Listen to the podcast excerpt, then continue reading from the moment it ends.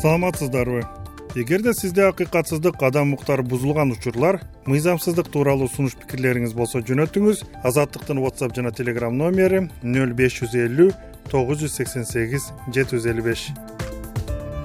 Кара кулча районуна караштуу түшүнүк айылынан аида ташматова кайрылган ал он алты жашка чыккан кызына туулгандыгы тууралуу күбөлүк ала албай жатканын айтат. Мунун айынан мектепти бүтүрүп жаткан кызы республикалык тестирлөөгө катыша албай жана паспорт алуу укугунан ажырап жатат. Быйыл кызым он бирди бүтүп атат да ошого мен метрка деп кара барсам метрка февралдын жетисинде барганмын февралдын жетисинен бери метрканы бүтүрө албай жүрөм да метрка паспортун бүтүрө албай жүрөм мурунку метрка фаршевый чыгып калган деп атат фаршевый берип койгонсуңар деп атат. А фаршевый берип койсо өзүң көргөндөй эми мурунку начальник через терго анан сот ошентип эле бүтпөй атат да до сих пор дагы эле жок да. Кызым эми университеттерден калып атат ошол мурунку метрикасынын копиясы менен окуп келди мектептечи ошентип эле мына февралдын жетисинен бери жүрөбүз. Дагы эле азыр тергөө бүтө элекчи сот он үчүнө жылдырып койду. Крайний бизди кылып атат да как будто биз метрика алып алганбызчы печатты биз коюп алгансыз эле.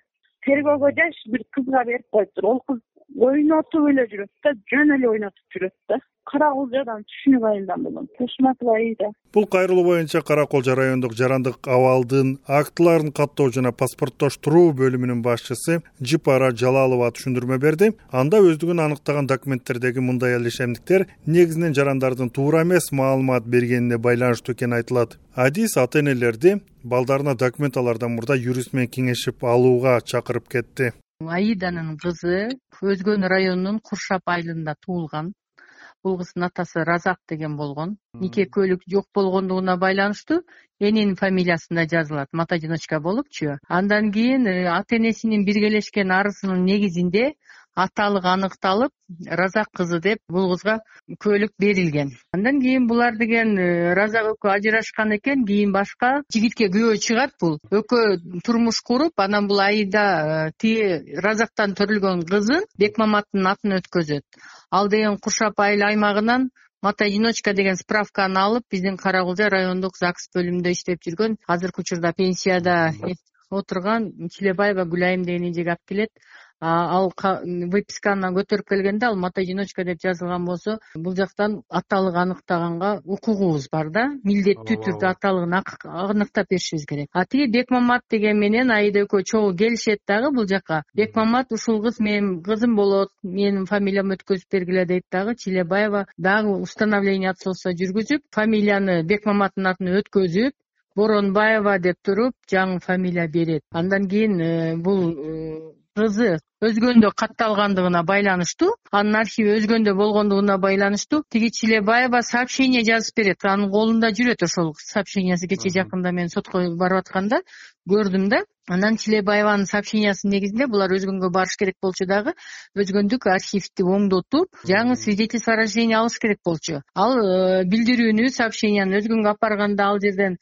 аталык аныктоонун негизинде деп туруп оңдойлу десе эле кыз тиги жерде разак кызы деп чыгып калган дагы өзгөн буларга туулгандыгы тууралуу күбөлүктү бербей койгон боронбаева депчи. Ошол бойдон булар калып кеткен да жүрө берет эми кызы ошо аттестат алаарда тестке кирерде анан кайрадан козголуп чыгып атат. Мен буларга кеңешти ошондо эле бергенмин сиздер азыр сотко кайрылышыңыздар керек. Биздин райондогу аталыкты аныктоо деген актовый записьти жокко чыгарышыбыз керек сот аркылуу. Анан сот аркылуу жокко чыккандан кийин э, тиги боронбаева деген пин номери бар эмеспи? Аны кайра э, разак кызына өткөргөнгө жол болот да жолдомо болот соттун чечими негизинде деп туруп.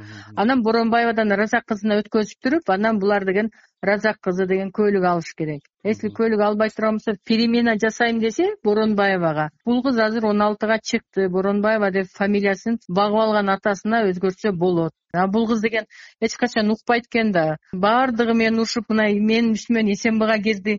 Смб менен урушту прокуратурага жазылды бул боюнча мен ровдга жаздым. Мынанын мыйзамдуулугун текшергиле деп сотко жаздым. Ушуну аннулировать этип бергиле мына актовый записьти аннулировать этип бергиле анан бул кызга күбөлүк жазганга жол болот эле деп сотко жаздым эле сот менин эмеми отказ кылып койду. Доо арыз жазбаса бунусу токтоп турө берет асылып өзгөн бизге шылтап биз олорго шылтап ушундай орто жолдо бала кыйналып тура берет деп айттырып атып мен арызды жаздыртканмын. Азыр бунун арызы арызы сотто каралып атат айда ташматованын кызына эки жолу аталыгын аныктоо жараяны жүргөндүгүнө байланыштуу кара кулча райондук жарандык абалдын актыларын каттоо жана паспорттоштуруу бөлүмүнүн мурдагы башчысына козголгон кылмыш иши кыскарып кеткенин кара кулча райондук милиция бөлүмүнүн бурулай аттуу тергөөчүсү билдирди. Учурда каттоо иштериндеги ал ишемдиктерге байланыштуу соттук териштирүү жүрүп жатат кара кулча районунун жаак бөлүмү бизге жолдомо кат жазганда бир кызга эки аталыкты аныктоо берилип калыптыр дегенинен ал боюнча бир кылмыш иш козголгон эки ай тергелген тергөөнүн жыйынтыгында кылмыштын курамы жок деп кыскартылган. Ташматова аида биринчи разак кызы айкөкүл деп күбөлүк алган туулгандыгы. Андан кийин кара суудан боро э, бекберди экинчи турмушунанчы ооба. Экинчи турмушун э, ошол разак кызы айкөкүл деген туулгандыгы тууралуу күбөлүктү биз запрос менен мектебинен алдырганда туулгандыгы тууралуу күбөлүгүн разак кызыны бекберди кызы деп өздөрү оңдоп жазыптыр да жазылган. А ошо бекберди кызы айкөкүл деп он эмес алган кара суудан алган бекберди кызы айкөкүл деп. Ташматова айда ошентип бир кызына үч фамилия үч немеде жазылып калган да бекберди кызы айкөкүл деп э, кара суудан кара суунун загсынан он эс алган эки миң он жетинчи жылы. А эки миң он жетинчи жылы октябрь айында келип кара кулчадан боронбаева айкөкүл бекбердиевна деп бияка аталыгын аныктатып коюп атат ошондо кызына эле үч фамилия берилип калган. Үч райондо ооба.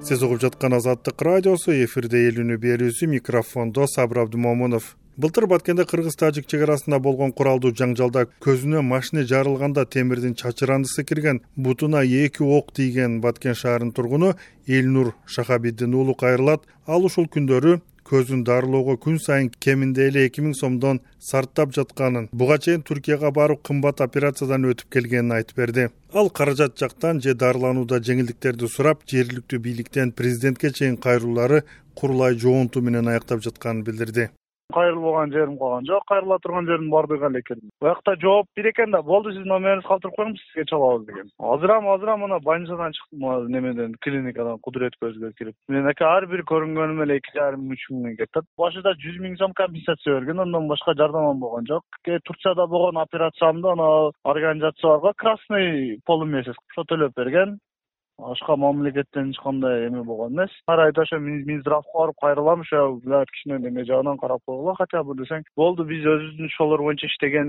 немелерибиз бар комиссияларыбыз бар органдарыбыз бар. Ошолор сизге чалат дейт. Эч ким чалбайт кайтып барсаң жок деп коет короче ошондой эле. Местный акимиятка барып губернаторго чейин барсаң олорам эле. Болду биз өзүбүз карайбыз окулабыз букулабыз дейт. Бюджетте пулубуз жок анан ыяктан которсо анан эме кылабыз дейт. Башка эч эле жок. Уже баргыман көбөйүп калдым мен уже ишенбей калдым да көзүм көрбөй калган экен. Мен могу путам мына жамгыр жаап атат азыр путум уже ооруй баштады. Путка эки ок тийген бит эмесичи кичине контузия болуп крышаем кеткен уже экинчи группада инвалид болуп калгам ужечи группага чыгарып койгондор көзүм операция болуп азыр көзүмдүн ичинде инородный тело бар металлчы металл турат дагы эле. Ошо көзүм бул көзүмө зыян берип уже экинчи көзүм эми кетип атат меникичи экинчи көзүм эми көрбөй калышы ыктымал болуп атат. Азыр көздү либо удалить этиш керек болуп атат либо ошол темирди алыш керек болуп ататчы онун операциясы төрт миң доллардан нара кетип атат. Менин атым уулу элнур. Элнур шахабиддин уулунун дарылануусуна баткен мэриясы да каражат издештирип жатканын шаар башкармалыктын маалымат катчысы данияр ульмасов билдирди. Акыркы өтүнүч кат кумтөр голд компани ишканасына жолдонгон.